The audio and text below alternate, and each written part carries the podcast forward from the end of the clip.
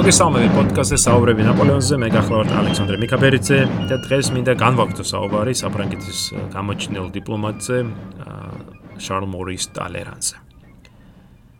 უხენასო პოდკასტში ჩვენ მიმოიხილეთ ტალერანის ცხოვრების ადრეული წლები და განვიხილეთ მისი მონაწილეობა საფრანგეთის რევოლუციურ ამბებში. პოდკასტის დასასრულს მე აღვნიშნე, რომ ლონდონში შესრულებული დიპლომატიური მისიის შემდეგ საფრანგეთში დაბრუნებული ტალერანს სამშობლო საკმაოდ სახე შეცვლის შეხვდა. ქვეყანა ომში იყო გახვეული, მონარქია დაემხო, პარიში რადიკალიზმი სუფევდა. სექტემბრის დასაწყისში კი პოლიტიკურად საიჭუო პირების ხოჩვა ჟლეტვაც კი იყო გაჩაღებული. როგორც ვნახეთ, სწორედ ამიტომ ტალერანმა ქვეყნიდან წასვლა გადაწყვიტა. წინა პოდკასტში გაკვირით აღნიშნე, რომ წასვლის წინ მან პასპორტები მოიპოვა, რომელსაც დანტონი და პარიზის კომუნის აღმასრულებელი საბჭოს წევრები აწერდნენ ხელს. მაგრამ დღეს ამ პოდკასტში კიდევ ერთხელ მინდა გავუსვა ხაზი ამ გარემოებას. ტალერანს შეძლო ბევრი სხვა ფრანგის ემიგრანტის მსგავსად უბრალოდ გაქცეულიყო ქვეყნიდან. მაგრამ ამით ის დაუყოვნებლივ პოლიტიკურად არასაიმედო პირების სიაში მოხვდებოდა და ქვეყანაში დაბრუნებას ვეღარ შეძლებდა. არადა ტალერანს აშკარად ჰქონდა დიდი იმედი, რომ რადიკალიზმის ეს ტალღა გადაივლიდა და რომ ის აუცილებლად დაბრუნდებოდა საფრანგეთში და ეცდებოდა დიდ პოლიტიკაში ჩაბმას. სამას სამისოდ კი მას არ შეეძლო თავისი პოლიტიკური რეპუტაციის შელახვა. მას სჭირდებოდა საბაბი, რათა ქვეყნიდან ოფიციალურად გასულიყო, ასე რომ ვთქვა, ოფიციალურად და არა გაქცეულიყო. სწორედ ამ დროს შეიტყო მან რომ საფრანგეთის ახალი იუსტიციის მინისტრი ჟორჟ მირაბო ცდილობდა მოენახა პირები რომლებიც შეძლებდნენ ევროპულ სახელმწიფოებში საფრანგეთში მიმდინარე მოვლენების ახსნას და გამართლებას. ეს მithumetes აუცილებელი იყო აგვისტოს მოვლენების შემდეგ რომლებმაც მონარქია იმსხვერპლეს ამ დროისათვის საფრანგეთში ეუმებოდა პრუსიას ავსტრიას დანარჩენ ევროპა კი საკმაოდ დაძაბულად ადევნებდა თვალს საფრანგეთში მიმდინარე მოვლენებს საფრანგეთის ახალ ხელისუფლებას სურდა მონარქიის დამხობა დადებით წრილში წარმოეჩინა ევროპი ევროპაში და თავი აერიდებინა დანარჩენ ევროპასთან დაპირისპირებას. ახალ ხელისუფლებას განსაკუთრებით ბრიტანეთთან დაპირისპირება არ სურდა და სწორედ ამიტომ დანტონი ეძებდა ვინმეს ვინც შეძლებდა ლონდონის დარწმუნებას, რომ ლუდოვიკო მე-16-ის ტახტიდან ჩამოგდება, არ იყო დიდად საშიში მოვლენა. ტალენანს კარგად ესმოდა ამ მისიის შეუძლებლობა, მაგრამ მის მას ქვეყნიდან გასვლა სურდა და სწორედ ამიტომ მიადგა დანტონს და შესთავაზა თავისი დახმარება. შედეგად ტალენანმა მიიღო დანტონის და სხვა რევოლუციური პირების მიერ ხელმოწერილი პასპორტი, რომელიც მას მომავალში დიდად გამოადგება. სწორედ მისი მეშვეობით ტალერან დატოვა საფრანგეთს უბრალოდ ტალერანმა დატოვა საფრანგეთი არა როგორც პოლიტიკური ემიგრანტი, არამედ როგორც დესპანი, რომელიც ახალი ხელისუფლების დავალებას ასრულებდა. ლონდონში ჩასულმა ტალერანმა გააკეთა საჯარო განცხადებები, რომლებშიც პარიზში მომხდარ მოვლენებს ამართლებდა. მაგრამ მის პირად მიმოწერას რომ გადავხედოთ, აშკარა ხდება, რომ შინაგანად იგი უკვე უპირისპირდებოდა რევოლუციურ რადიკალიზმს. ლორდ ლანსტაუსთან მიწერილ წერილში ტალერანი აკრიტიკებს რადიკალიზმს და აღნიშნავს, რომ ციტატა კომპლებმა და შუბებმა ჩაკლეს თუ რამე ინიციატივა არსებობდა და ხალხში სიმდაბლე და სიმხდალე გააღვივეს. და თუ ხალხს მიეცემა საშუალება შეიცვინ ამ სავალ ამ შეეჩვიონ ამ სავალ ჩვევებს მათი სამომავლო ბედნიერება იქნება ტირანიაო. ტალერანის ეს ვრცელი წერილი საინტერესოა ბევრი დეტალის მხრივ მათ შორის რევოლუციური ხელისუფლების ზედმეტი ტერიტორიული ექსპანსიის დაგმობითაც რასაც შემდგომ წლებში დირექტორიასაც და ნაპოლეონსაც ურჩევს. არანაკლებ საინტერესო ამ წერილში გამოვლენილი ზომიერება და ომის კრიტიკა. აშკარა ხდება, რომ ტალერანი დარწმუნებული იყო, რომ ასე ცივილიზებულმა სახელმწიფომ უნდა აარიდოს თავის ძალადობის გამოყენებაზე, რომ რევოლუციურმა მეტაურებმა ზომიერებას უნდა უხმონ, სანამ გვიანი არ იყო და რომ საჭირო იყო ევროპაში გარკვეულთა ძალთა ბალანსის შექმნა და შენარჩუნება.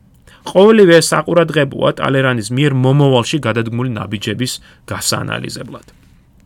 ბუნებრივია, 1792 წლის შემოდგომაზე ტალერანის წერილმა, უფრო სწორი იქნება თუ მას უწოდებ მემორანდუმმა, ვერანაირი შედეგი ვერ გამოიღო. ბრიტანული ხელისუფლების დარწმუნება, რომ საფრანგეთის მიმდინარე მოვლენები დიდ შეშროებას არ წარმოადგენენ, მან ვერ შეძლო. ასე რომ მისი მისი მისი წარუმატებელი იყო. თუმცა ეს მან თავიდან ვეიცოდა. მაგრამ მისის დასრულების შემდეგ ტალერანმა საფრანგეთში დაბრუნება აღარ ისურვა. მით უმეტეს რომ ორი რომ წლის მიწურულისათვის მას უკვე პირადი საფრთხე შეექმნა. მონარქიის დამხობის შემდეგ პარიზში ზეობდა ზარადიკალიზმი, როგორც აღნიშნე, რომელიც დიდად არ სწავლობდა არისტოკრატებს. ტალერანი კი, როგორც მენელს კარგად ახსოვს, სწორედ ერთ-ერთი უძველესი არისტოკრატიული გვარის წარმომადგენელი იყო. კი, რევოლუციის წინაშე მას გააჩნდა დამსახურება, მაგრამ გაახსენდებოდა კი ეს ყოველივე ამ იმ ხალხს ამ ორომ ტრიალში. უფრო მეტიც, პარიზში ამ დროს და საუბარია ოქტომბერ-ნოემბერზე 92 წლის შემოდგომაზე გავრცელდა ჭორი თითქოს და ტალერანმა როელისტებთან გააბა კავშირი და მეფესთან დაახლოებულ ხალხს დაუკავშირდა. თუმცა ამის დამანტკიცებელი საბუთები დღემდე არსად მოიწებნა. საბუთების არარსებობა დიდად არანაღულებდა ეროვნულ კონვენტს, რომელსაც 1792 წლის 5 დეკემბერს ტალერანი პოლიტიკურად არასაიმედო პირების სიაში ჩასვა. ამ ბომბის გაგებისთანავე ტალერანი ეცადა ლონდონიდან, გაემართლებინა თავი და ბრიტანეთში დარჩენა დიპლომატიური აუცილებლობით აიხსნა.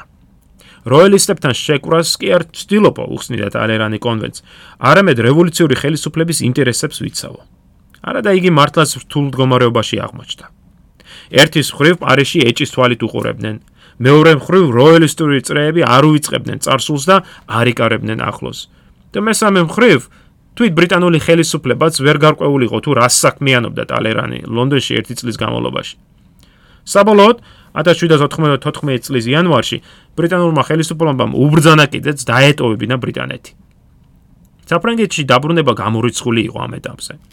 ევროპის სხვა ქვეყნებში წასვლა კი კლავ როიალისტურ ემიგრანტებთან შეხლა შემოხლას გულისხმობდა. იმას, რომ დავანებო თავი, რომ ამ ქვეყნის მესვეურებსაც, ან უბრალოდ იმ ქვეყნის მესვეურებსაც დიდად არ ეხატებოდათ გულზე ეს ყოფილი ეპისკოპოს რევოლუციონერი, ხო? ტოსკანიის ჰერცოგმა მაგალითად პირდაპირ უთხრა უარი ტალერანის თავის სამფლობელოში ჩასვლაზე. ასე რომ საბოლოოდ ტალერანმა აირჩია წასულიყო ოკეანის გადახმა შორეულ ამერიკის შეერთებულ შტატებში. 1794 წლის 3 თებერვალს ტალერანმა დატოვა ბრიტანეთის სანაპირო და უცნობ ხარეს გაეშურა. ამერიკაში ჩასულმა პალერამმა აღმოაჩინა საკმაოდ დიდი ფრანგული სათვისტომა. გასაკუთრებით ქალაქ ფილადელფიაში, სადაც ფრანგი ფრანგები ხშირად იკრიბებოდნენ ციგნების მაღაზიის ფლობელთან, მოგოდესენ მერისთან, რომელიც ქალაქის ცენტრში პირველი ქუჩის 94 ნომერში ცხოვრობდა. ტალერანს აქ დახვდა ბევრი ძველი ნაცნობიც, რომელიც მასთან ერთად ნაციონალურ ან ეროვნულ ასამბლეაში მსახურობდა 99-91 წლებში და შემდეგ რევოლუციურ რადიკალიზმს გამოიხსნენ ამერიკაში. მათ შორის იყვნენ ნუალის ვიკონტი, ბლასონის მარკიზი, ლაროშფულო რეანკურის ჰერცოგი და სხვები. ამ ემიგრანტებს შორის იყო თავადი მოღეც, რომელმაც შემდგომში დაწერა საინტერესო მემუარები, რომლებშიც ტალერანის ამერიკაში ყოფნაზე ბევრ დეტალს გვაჩნდის. სწორედ მორესგან შევიტყვეთ ჩვენ თუ რამხელა სკანდალი გამოიწვია ტალერმა, როდესაც ჩასვლიდან ცოტა ხანში გააბა სასიყვარულო რომანსი ლამას შავკანიან ქალთან, რომელთან ერთად თავისუფლად დასიერნობდა ქუჩებში და ესწრებოდა წვეულებებს. სასიყვარულო თავგადასავლების გარა ტალერმა ბიზნესსაც ხელი მიიღო და სხვა სხვა სავაჭროები, სავაჭრო საქმეებიც გაჩარხა, ასე რომ ვთქვათ. 1794 წლის ზაფხულის ბოლოს მან შეიტყო იაკობინელთა დიქტატურის დამხობის და რობესპიერის და სხვა იაკობინელების სიკვდილით დასჯის შესახებ. ტალერმა დაუყოვნებლივ დაიწყო მუშაობა საფრანგეთში დაბრუნებაზე. რაშიც მას დიდი დახმარება გაუწია ცნობილმა მწერალმა მადამ დე სტალმა. სვენელს მინდა შევახსენო, მადამ დე სტალი იყო აი ჟაკ ნეკერის, ხო, ფინანსთა მინისტრის ლუდოვიკო მე-16-ის დროს იმ იმ ნეკერის ქალიშვილი. როდესაც შემდგომში ნაპოლეონმა კითხა ტალერანს თუ როგორ შეძლო მან საფრანგეთში დაბრუნება ამერიკიდან, ტალერანმა უამბო მადამ დე სტალის დახმარების თაობაზე. ციტატა მას ძალიან კარგი მეგობრობა შეძლებიაო, აღნიშნა ნაპოლეონმა, როდესაც ტალერანმა წარეთ გაიცინა და უპასუხა: კი, იმდენად კარგი მეგობრობა იცის, რომ შეუულია თავისი მეგობრები ჯერ ყველანი მდინარეში გადაყაროს, რომ მე მათი გადარჩენის სიამოვნება მიიღოსო. მადამ დე სტალმა შეძლო ტალერანის ესვის დახმარება. სწორედ მან მიაჩნია ტალერანის პეტიცია, ასე ვთქვათ, თხოვნა ფრანგულ ხელისუფლებას, რომელშიც ტალერანი თავს იაკობინელთა მსხვერპლად წარმოაჩინდა და საფრანგეთში დაბრუნებას ითხოვდა. სწორედ დე სტალმა მიაწოდა ეს პეტიცია ეროვნული კონვენტის ერთ-ერთ ლიდერს, წინამძღოლს, მარი ჟოზეფ შენიეს და საინტერესოა რომ მადამ სტესალმა ეს გააკეთა შენიეს საყვარლის მეშვეობით, ანუ ჯერ პეტიცია საყვარლს გადასცა და საყვარლმა მერე შენიეს და მერე უკვე შენიემ დაარწმუნა თავისი მოკავშირეები კონვენციაში დაიჭირა მხარი ტალერანისთვის შეწყალებას. ну მით უმეტეს რომ ტალერანს გააჩნდა აი საბუთები მე რომელიც აღნიშნე რომელთაც ის იმართლებდა რომ ოფიციალურად დიპლომატიური მივლინებით იყო უცხოეთში ამრიგად 1796 წლის ივლისში ტალერანი დაბრუნდა ამერიკიდან ევროპაში. თავდაპირველად იგი ჰამბურგში ჩავიდა ხოლო შემდეგ უკვე პარიზში აღმოჩნდა. მან თავი აარიდა პოლიტიკურ საქმიანობას. ამის ნაცვლად საფრანგეთის მეცნიერებათა და ხელოვნებათა ინსტიტუტში დაიწყო მოღვაწეობა. სადაც ამერიკაში მიღებული გამოცდილების საფუძველზე რამდენიმე მოხსნება გააკეთა. ამასობაში კი დრო გადიოდა. ტალერანი ნელ-ნელა ერკვეოდა პოლიტიკურ კონიუნქტურაში, ამყარებდა საჭირო კავშირებს. ინსტიტუტში წარმოთქმული სიტყვებიდან ვფიქრობ ყველაზე საინტერესოა 1797 წლის 3 ივლისს მის მიერ წარდგენილი მოხსენება, რომელშიც ტალერანი აღნიშნავს, რომ საფრანგეთის და სხვა ევროპული დიდი ქვეყნების მომოვალი კოლონიალურ მომოვალი კოლონიალურ ზრდაშია ექსპანსიაშია ტალერენი განსაკუთრებით უსმევდა ხას რომ საფრანგეთმა აუცილებლად უნდა სადოს 7 წლიან ომში დაკარგული კოლონიების სანაცვლოდ ახალი ტერიტორიების შეძენა ამის შესაძლებლობა ტალერანის ტალერანი ხედავდა არა ამერიკაში სადაც საფრანგეთმა უკვე დაკარგა თავის პოზიციები არამედ აფრიკაში მათ შორის ეგვიპტეში, რომელშიც ტალერანის აზრით მნიშვნელოვანი პლაცდარმი იქნებოდა ფრანგული კოლონიალიზმისათვის. ეს არ იყო ახალი იდეა და ჯერ კიდევ ლუდოვიკო მე-14-ის დროს არსებობდა გეგმები ეგვიპტეში ფრანგული კოლონიის დაარსებას თაობაზე. ლუდოვიკო მე-15-ის დროსაც შუაზელის hercogi დაინტერესებული იყო ამით, მაგრამ მას შემდეგ ბევრმა წყალმა ჩაიარა და აი ტალერანის მიერ ამ იდეის კვლავ საჯარო საჯაროზე გამოტანა თავისთავად საინტერესოა. მithumetea, მithumetes რომ მხოლოდ რამდენიმე თვის შემდეგ ამ იდეას გაიზიარებს ახალგაზრდა გენერალი ნაპოლეონ ბონაპარტი. ტალერანმა ეს მოხსენება ძალიან საინტერესო მომენტში დაარადგინა. 1797 წლის ზაფხულის მიწურულისათვის საფრანგეთის ხელისუფლება, დირექტორია, ბევრი სირთულეების წინაშე იყო და აშკარა იყო, რომ მოსახლეობის დიდი ნაწილი უკმაყოფილო იყო ხელისუფლების შიდა პოლიტიკით. მოხსენების წარდგენიდან სულ მხოლოდ 15 დღეში ტალერანმა მიიღო მოწვევა დირექტორიის ერთ-ერთ წევრიდან მოსულიყო გასაუბრებაზე საფრანგეთის საგარეო საქმეთა მინისტრის თანამდებობაზე. ეს მართლაც საოცარი მომენტი იყო. საფრანგეთთან გაქცეული ყოფილ ეპისკოპოს, რომელმაც უკანასკნელი ორი წელი გაატარა შორეულ ამერიკაში, მოულოდნელად საგარეო საქმეთა მინისტრის თანამდებობას თავაზობენ. როგორ შეძლო ტალერანმა ეს? ნათელი პასუხის გაცემა ეხლაც გვიჭირს, მაგრამ შეიძლება რამდენიმე მნიშვნელოვანი გარემოება ვახსენო აქ. პირველ რიგში, ტალერანის მხრიდან სწორედ გააზრებულმა ნაბიჯებმა შეასრულეს დიდი როლი. ამერიკაში წასვლით მან თავი აარიდა ტერორის სისხლის ღრას და შედეგად არ ამოისვა რა პოლიტიკურ ორომტრიალში. ამერიკიდან რო დაბრუნდა, ტალერანი არ ჩაერთო პოლიტიკაში, არამედ თანდათანობით გაერკვა ვითარებაში. ამ ხრივ საყურადღებოა მისი გადაწყვეტილება გაწევრიანებულიყო საკონსტიტუციო კლუბში, ერთ-ერთ წამყვან პოლიტიკურ დაწესებულებაში, სადაც ბევრი ზომიერად განწყობილი რევოლუციონერი მოღვაწეობდა. ტალერანი იცნობდა ბევრ მათგანს ეროვნული ასამბლეის პერიოდიდან და სწორედ ამ კლუბში ყოფნისას შეძლო მან აი დავიწყებული კავშირების აღდგენა. მათ შორის ისე ისე უკვე წარჩინებულ პირებთან, როგორებიც იყვნენ ემანუელ სიესი და ბენჯამინ კონსტანი. საფრანგეთის ინსტიტუტში გაკეთებული მოხსენებებმაც ასევე ხელი შეუწყეს ტალერანს, ვინაიდან მათ ხაზი გაუსვეს თუ რამდენად უსუსურ პოლიტიკას ატარებდა იმ დროელი საგარეო საქმეთა მინისტრი შარლ დელაკრუა, რომელიც ამ თანამდებობაზე დაინიშნა 1795 წლის მიწურულს და უკანასკნელი 2 წლის განმავლობაში დელაკრუას მიმართ არაერთხელ გაშღერებულა კრიტიკული შენიშვნები, რომ იგი ვერ ერკვეოდა საერთაშორისო ვითარებაში და რომ მის მიერ დაკავებულ ტერიტორიებზე ჩატარებულმა პოლიტიკამ მხოლოდ გააუარესა საფრანგეთის საერთაშორისო მდგომარეობა. განსაკუთრებით მას შემდეგ, რაც მან ვერ გამოიყენა ბრიტანეთის მიერ შემოთავაზებული საზავო პირობები. 1796 წლის სექტემბერში 500 საბჭომ საფრანგეთის საკანონმდებლო ორგანომ საჯაროდ გაკიცხა გაკიცხა კიდეც დელაკრუა, თუმცა თანამდებობიდან ის არ გადააყენეს, ვინაიდან ხელისუფლება ვერ თანხმდებოდა მის შემცვლელზე. ტალერანის კანდიდატურა არ იყო ერთხმად მიღებული დირექტორიაში. ხუთი დირექტორიდან სამი დასანახავად ვერიტანდა მას, მათ შორის ლაზარ კარნო, ფრანსუა ბარტელემი, რომელიც არისტოკრატი იყო და არასოდეს აპატია ტალერანს მეფისა და ეკლესიის მიერ ჩადენილი საქციელი და ჟან ფრანსუა რუბელი, რომელიც ტალერანის ხასიათზე მის უპრინციპობაზე, ამორალურობაზე აკეთებდა აქცენტს. დარჩენილი ორი დირექტორიც, პოლ ბარაღასი და ლუი მარი ლა რეველიელეპო, დიდად არეკლავდნენ თავს ტალერანის მხარდაჭერით. ტალერანის ცხოვრების ამ მნიშვნელოვან მომენტში კლავ ივაშკაცა მადამ დე სტალმა. სწორედ მან დაარწმუნა პოლ ბარასი, რომ ტალერანის მსგავსი გამოცდილი და ნიჭიერი ადმინისტრატორი დიდ სარგებელს მოუტანდა მას ხელისუფლების შიგნით, მიმდინარე ინტრიგებში თუ დაპირისპირებებში. სმენელს მინდა შევახსენო, რომ რევოლუციის ამ ეტაპზე ჩვენ ხედავთ საფრანგეთში როიალიზმის აღორძინებას. 1797 წლის გაზაფხულისათვის საფრანგეთის ხელისუფლება შედგებოდა დირექტორიისგან, რომელიც აღმასრულებელი ხელისუფლება ეპყრა და ბიკამერული, ანუ ორპალატიანი საკანონმდებლო ორგანოსგან, უხუცესთა საბჭო და ხუთასთა საბჭოსგან.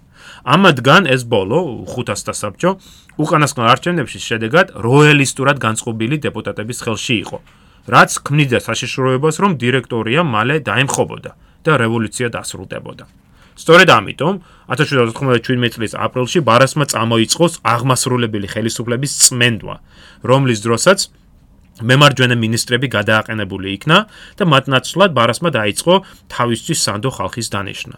სწორედ აი ამ ცვლილებების დროს ბარასმა მადამ დე სტალის წარდგინებით ხო შემდეგ უკვე წამოწია საგარეო საქმეთა ministris თანამდებობაზე ტალერანის კანდიდატურა. ამ სახელის გაგონებაზე ამ დირექტორის ხსდომაზე ლაზარ კარნო წამოიჭრა ფეხზე და გამწარებულმა დაიყვერა. ასეთი სისულელე როგორ უნდა დავუშვათ? ექშენი გაიზვერა მღდელი ყველა ჩვენ გაყვიდის ცალცალობითო. კი მარა, აქამდე ვინ გაყიდა? იკითხა ლა რეველიერემ, რომელიც ან შტერი იყო ან ან თავს ისულელებდა.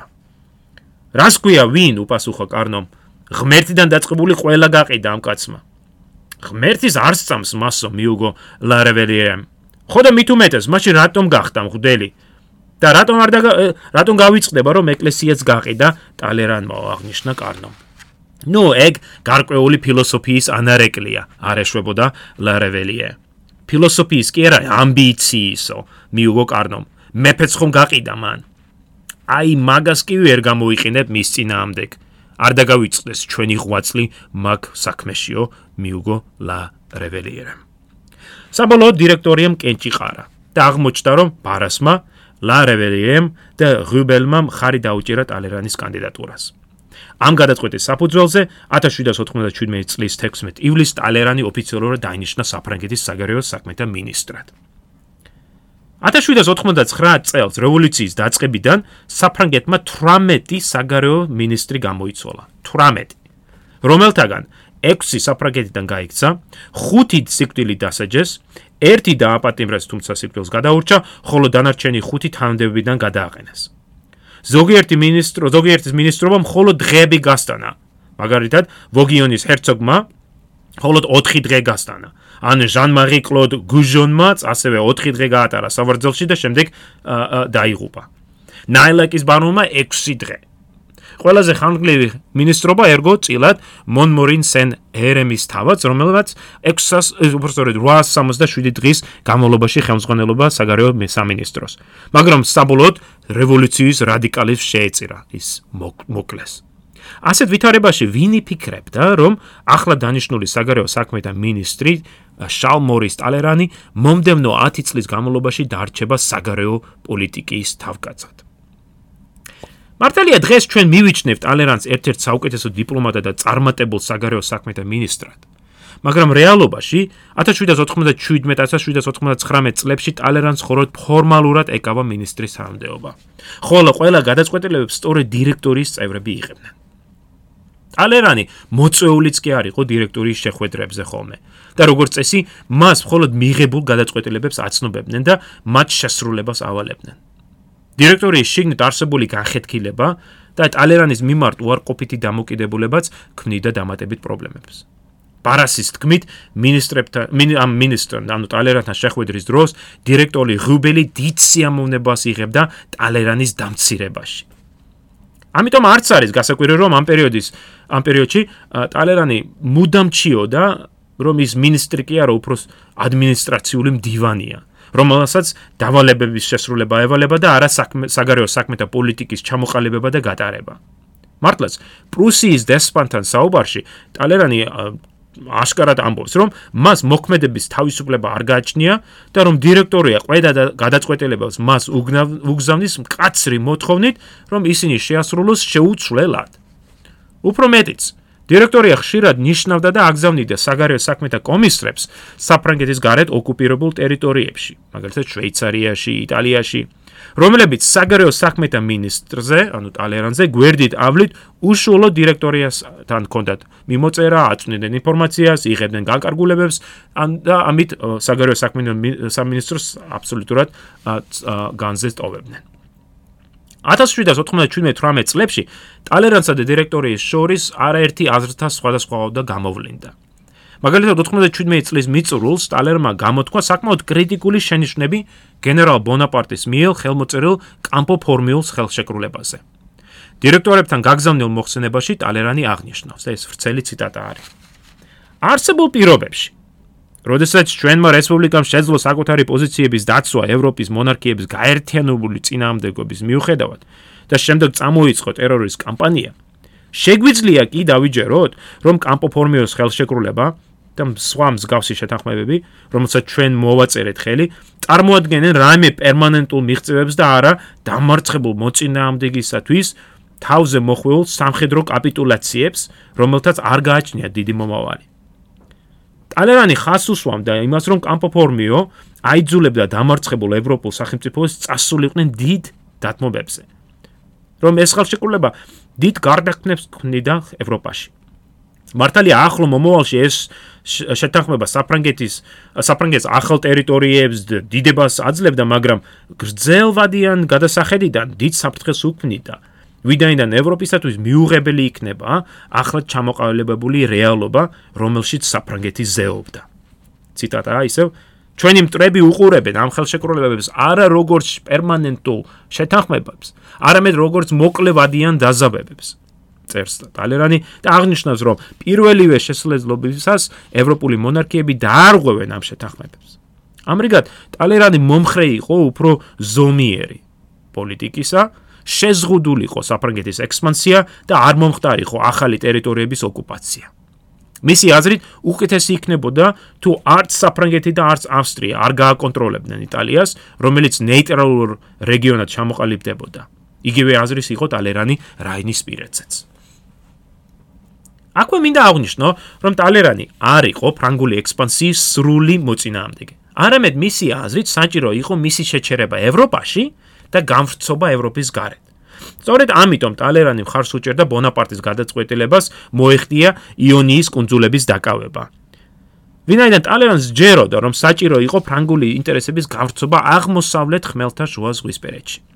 სწორედ ამ კონტექსტში ტალერანი უჭერდა მხარს ექსპედიციას ეგვიპტეში, რომელიც როგორც ზემოთ აღნიშნეთ, დიდი ხანია განიხილებოდა საფრანგეთის ხელისუფლების მიერ.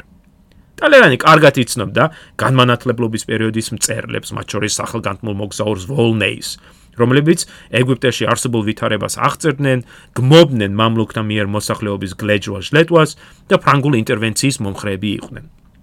ასევე იცნობდა ტალერანი საგარეოთა სამექმეთა მინისტრს შუაზელს, რომელიც 1760-იან წლებში აქტიურად განიხილა და საფრანგეთის მიერ ეგვიპტის დაკავების შესაძლებლობას. 1797 წლის შემოდგომაზე, სწორედ მაშინ, როდესაც ტალერანი ბონაპარტის მიერ ხელმოწერილ კამპოფორმიოს ხელშეკრულებას აკრიტიკებდა, ტალერანი ასევე აწარმოებს მიმოწერას ბონაპარტთან ეგვიპტეში ექსპედიციის თაობაზე. ანუ ერთი ხრივ ევროპაში ექსპანსიის შეჩერებას ითხოვს, მაგრამ მის გამწობას გარეთ ევროპის.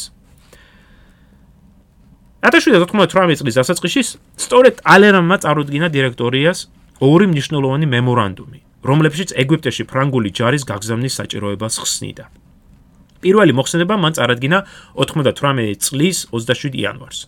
მასში ტალერანი აღნიშნავს, რომ ოსმალეთის სულს ძლივს ღაფავს და 25 წლის არსებობა თუღა დარჩენია მასო. ტალერანის აზრით, ოსმალეთის დაცემის შემდეგ მისი ევროპული პროვინციები, ანუ ბალკანეთის ნახევარკუნძული, რუსეთის იმპერიასა და ავსტრიას შორის იქნება გადანაწილებული. საფრანგეთმა უნდა გამოიყენოს ეს შესაძლებლობა, რათა ოსმალეთის ერთი ნაწილი მაინც თავისთვის მიისაკუთროს. ამ ნაწილად ტალერანს სწორედ ეგვიპტე ესახებოდა. ვინაიდან ეს რეგიონი მეტად ხელსაყრელი იყო როგორც სავაჭრო, ისე გეოპოლიტიკური თვალსაზრისით. ეგვიპტის დაკავებას ისიც უწყობდა ხელს, რომ ტალერანის აზრით ოსმალეთის იმპერია უკვე ვეღარ აკონტროლებდა ეგვიპტეს და ეს მხარე ქართველი მამლუქების ხელში იყო. პირველი მოხსენებიდან სამ კვირაში, ანუ 14 თებერვალს, ტალერანმა წარადგინა კიდევ უფრო ვრცელი და უფრო კაფიო ჩამოყალიბებული მემორანდუმი საფრანგეთის მიერ ეგვიპტის ოკუპაციის საჭიროებაზე. ეს მოხსენება აღსანიშნავია იმით, რომ მასში ვრცლად არის მოყვანილი ეგვიპტეში ფრანგული კონსულის შარ მაგალონის მოხსენება. მაგალონი 30 წლის განმავლობაში ცხოვრობდა ეგვიპტეში, კარგად იცნობდა იქ არსებულ ვითარებას, იცნობდა ქართულ და სხვა მამლუქებსაც და ყოველივე ამის საფუძველზე ბრმად სწამდა ეგვიპტეში ფრანგული ექსპანსიის საჭიროებას. სწორედ მაგალონის აზრი იყო ის, რომ ეგვიპტის მოსახლეობა დიდად შეწუხებული იყო მამლუქთა თარეშით, ტირანიით. რომ ფრანგების გამოჩენა ეგვიპტელები უბრალოდ გამოჩენას ეგვიპტელები შეხვდებიან დიდი სიხარულით რომ ეგვიპტეში ფრანგებს არ შეხვდება დიდი წინააღმდეგობა, ვიდაიდან მამლუქების სუსტები არიან, ხოლო ეგვიპტელები ფრანგებს ჩათვლიან თავის ხსნელებად, განმან თავისუფლებლებად. სწორედ მაგალონის და ტალერანის იდეა იყო, რომ ეგვიპტეს ეგვიპტის დაკავებით საფრანგეთი შეძლებდა დამკვიდრებას წითელი ზღვის სანაპიროზე, საიდანაც შეუქმნიდა პირდაპირ საფრთხეს ბრიტანეთის ინტერესებს ინდოეთში. თავის მოხსენებაში ტალერანს არ უცდია დაეფარა ამ ექსპანსიის ძირითადი მიზნები, რომლებიც კოლონიალური და საფრანგეთის საბაჭრო საჭიროებებით იყო ახსნილი. ვინაიდან საფრანგეთმა დაკარგა კოლონიები კარიბეთში, საჭირო იყო ახლების მოპოვება და მათგან ყველაზე ხელსაყრელი სწორედ ეგვიპტე იყო. როგორც ამდრე განვიხილე, დირექტორია ამ დროს განიხილავდა რამდენიმე გეგმას, მათ შორის ბრიტანეთში საექსპედიციო კორპუსის გაგზავნას. იტალიიდან ახლად დაბრუნებული ბონაპარტი სწორედ ინგლისის არმიის უფროსად დაინიშნა. მაგრამ საფრანგეთის დასავლეთ სანაპიროების დათვალიერების შემდეგ და სამხედრო ნაწილებში არსებული დიდი პრობლემების დანახვის შემდეგ ბონაპარტმა უარი თქვა ბრიტანეთში გამგზავრებაზე. პარიზში 23 თებერვალს დაბრუნებული ბონაპარტი უკვე აღმოსავლეთისკენ იყურებოდა. და ტალერანისაკენ, ტალერანისაკენ დამოუკიდებლად ეგვიპტეს ექსპედიციაზე ფიქრობდა. იმავე წლის 1 2 მარტს დირექტორიას ორ სხდომაზე განხილული იქნა საგარეო პოლიტიკის რამდენიმე გეგმა, მათ შორის ეგვიპტეში ექსპედიციას. ამ ხრივ გადამწყვეტი როლი სწორედ ტალერანის მემორანდუმებმა იქონიეს ვიდრე ბონაპარტის განცხადებებმა. ამ დირექტორიის ხსომებზე მიღებული გადაწყვეტილებით დირექტორიამ დაავალა ბონაპარტს შეემუშავებინა ეგვიპტეში შეჭრის გეგმა, რომელიც მან წარადგინა 5 მარტს. 16 მარტს კი დირექტორიამ გადაწყვეტა დაეწყო სამზადისი ექსპედიციისათვის, რომელიც ოფიციალურად 12 აპრილს იქნა დამტკიცებული. ეგვიპტეში ფრანგთა ექსპედიციაზე ბევრი ვისაუბრეთ ჩვენ. და კიდევ უფრო ბევრი რამ დაწერილა. მაგრამ ხშირად ჩვენ გვავიწყდება თუ რამდენად ნიშნულოვანი როლი შეასრულა ტალერანმა ამ ექსპედიციის შექმნაში და მის გაგზავნაში. ამ პროცესის გაანალიზებისას ჩვენ ხედავთ ალერანის სუსტ მხარეებს. მის წარდგენილი მემორანდუმი ეფუძნებოდა გადაუმოწმებელ ინფორმაციას, გადაუმოწმებელ ფაქტებს, რომელთა დიდი ნაწილი მცდარიც კი იყო. უფრო მეტიც ამ მოხსენებაში ტალერანი საერთოდ არ ცდილობს გაანალიზოს თუ რა შედეგს მოუტანს ფრანკთა ექსპედიცია საერთაშორისო ასპარეზზე. ტალერანის აზრით, პროფესორი ტალერანის აზრი რომ ოსმალეთის სულთანი მხოლოდ მოხარული იქნება საფრანგეთის ინტერვენციით, რბილად რომ თქვა, აბსურდული იყო და სავსებით ეწინააღმდეგებოდა კონსტანტინოპოლში ფრანგული საელჩოს მოხსენებებს და რჩევებს. ტალერანი ვარაუდობდა რომ შესაძლებელი იქნებოდა სულთნის მოსყიდვა ან ფულით, ან რა სხვა რამე ტერიტორიით, რაც ასე მცდარი მოსაზრება იყო. უფრო მეტიც, ტალერანს არც კი უცდია უფრო ფართო ანალიზი, თუ რა ზაგევლენა ექნებოდა ამ ექსპედიციას საფრანგეთსა და ოსმალეთს შორის არსებულ მრავალ საუკუნოვან ურთიერთობაზე. ან რა რეაქცია მოყვებოდა ამ ექსპედიციას რუსეთში, ბრიტანეთში. მინდა მსმენელს შევახსენო, რომ სწორედ ეგვიპტეში ფრანგული ექსპედიციის შედეგად შედგა რუსეთსა და ოსმალეთს შორის რომლებიც ერთმანეთს დაუძინებელი მტრები იყვნენ, ხო? ამ ორ ქვეყანას შორის სამხედრო ალიანსი და თანამშრომლობა. ალბათ არ გადავაჭარბებ თუ ვიტყვი რომ ტალერანს ეკისრება დიდი პასუხისგებლობა ამ საგარეო ავანტიურაზე მით უმეტეს რომ სწორედ ამ ექსპედიციამ ეგვიპტეში ხელი შეუწყო ევროპაში მეორე კოალიციის შექმნას და ახალი ომის დაწყებას. როგორც გვახსოვს, ექსპედიცია წარმატებით დაიწყო. პირველ ივლისს ფრანგები ჩავიდნენ ეგვიპტეში, დაამარცხეს მამლუქები, დაიკავეს ქაირო, მაგრამ შემდეგ ბრიტანელებმა გაანადგურეს ფრანგული ფლოტი აბუკირთან და ბონაპარტის ჯარი ჩარჩა რეგიონში, სადაც ადგილობრივი მოსახლეობა დიდი წინააღმდეგობით შეეგება მას. ამოვლენება დიდი ვნებათა ღელვა გამოიწვია საფრანგეთში, სადაც დირექტორია და საგარეო საქმეთა მინისტრი დიდი კრიტიკის ქვეშ მოექცნენ. პრესაშიც, პოლიტიკურ კლუბებშიც და საკანონმდებლო ორგანოებშიც. იაკობინელები საჯაროდ მოითხოვდნენ კიდევაც ტალერანის გადაყენებას. ტალერანი ცდილობდა დაეცვა თავი ამ კრიტიკისგან, მაგრამ მას შემდეგ რაც საფრანგეთში ცნობილი გახდა პალესტინაში ფრანგთა დამარცხების ამბები, იგი იძულებული იყო გადამტკარიყო 1799 წლის ივლისის მიწურულს. ტალერანი არ დარჩინილა უმუშევარი დიდი ხნით. იმავე წლის ოქტომბრის დასაწყისში საფრანგეთში დაბრუნდა გენერალი ბონაპარტი. რომელმაც, როგორც ნახეთ, 9 ნოემბერს მოახდინა სამხედრო გადატრიალება და დირექტორია დაამხო. რა როლი შეასრულა ტალერანმა ამოვლენებში? ერთი სიტყვით, გადამწყვეტი. სწორედ ტალერანის ხელშეწყობით შეძლო ბონაპარტმა დირექტორიის წინამდებ უკვე არსებული შეთქმულების წევრებთან დაკავშირება. ოქტომბერში ტალერანის თითქმის ყოველ დღე ხვდებოდა ბონაპარტს და შეთქმულების ერთ-ერთი წინამძღოლს ემანუელ სიეს. ხშირად მასპინძლობდა შეთქმულების წევრებს რიუტ აიბუცზე მდებარე თავის სახლში და აქტიურად მონაწილეობდა შეთქმულების გეგმის შემუშავებაში. შეთქმულების ერთ-ერთი წევრი ღედერერი აღნიშნავს, რომ ბრუმერის გადატრიალებამდე ორი კვირის განმავლობაში მე და ტალერანი ვიყავით ძირითადი დამაკავშირებელი რგოლი ბონაპარტსა და სიეს შორის. სწორედ ალერანის ხელშეწყობით მოხდა შეთანხმება იმაზე, თუ რა ზომები უნდა იქნას მიღებული. მე, ამბობს ღედერერი, მე მევალებოდა პოლიტიკური საკითხების მოგვარება და ძირითადად მუშაობდი მომავალი კონსტიტუციის შემუშავებაზე და იმაზე თუ რა თანამდებობი ერგებოდა შეთქმულების წევრებს. აი ტალერანი კი შეთქმულების ჩატარების ტაქტიკურ დეტალებს კურირებდაო. თავის მემუარებში ტალერანი აღნიშნავს ერთ საინტერესო შემთხვევას, რომელიც წინ უძღოდა ნოემბრის გადატრიალებას. ეს ციტატაა მისი მემუარებიდან. 18 ბრუმერის გადატრიალებამდე რამდენიმე დღით ადრე გენერალი ბონაპარტი მოვიდა ჩემთან, რათა კიდევ ერთხელ გვესაუბა გადატრიალებისათვის თვის სამზადისზე. გვიან საღამო იყო. ჩვენ ვისხედით ჩემს მისაღებ ოთახში, რომელიც განათებული იყო რამდენიმე სანტლით და გაცხარებულად კამათობდით. დაახლოებით ღამის პირველ საათზე გარედან მოგვესმა ხმაური.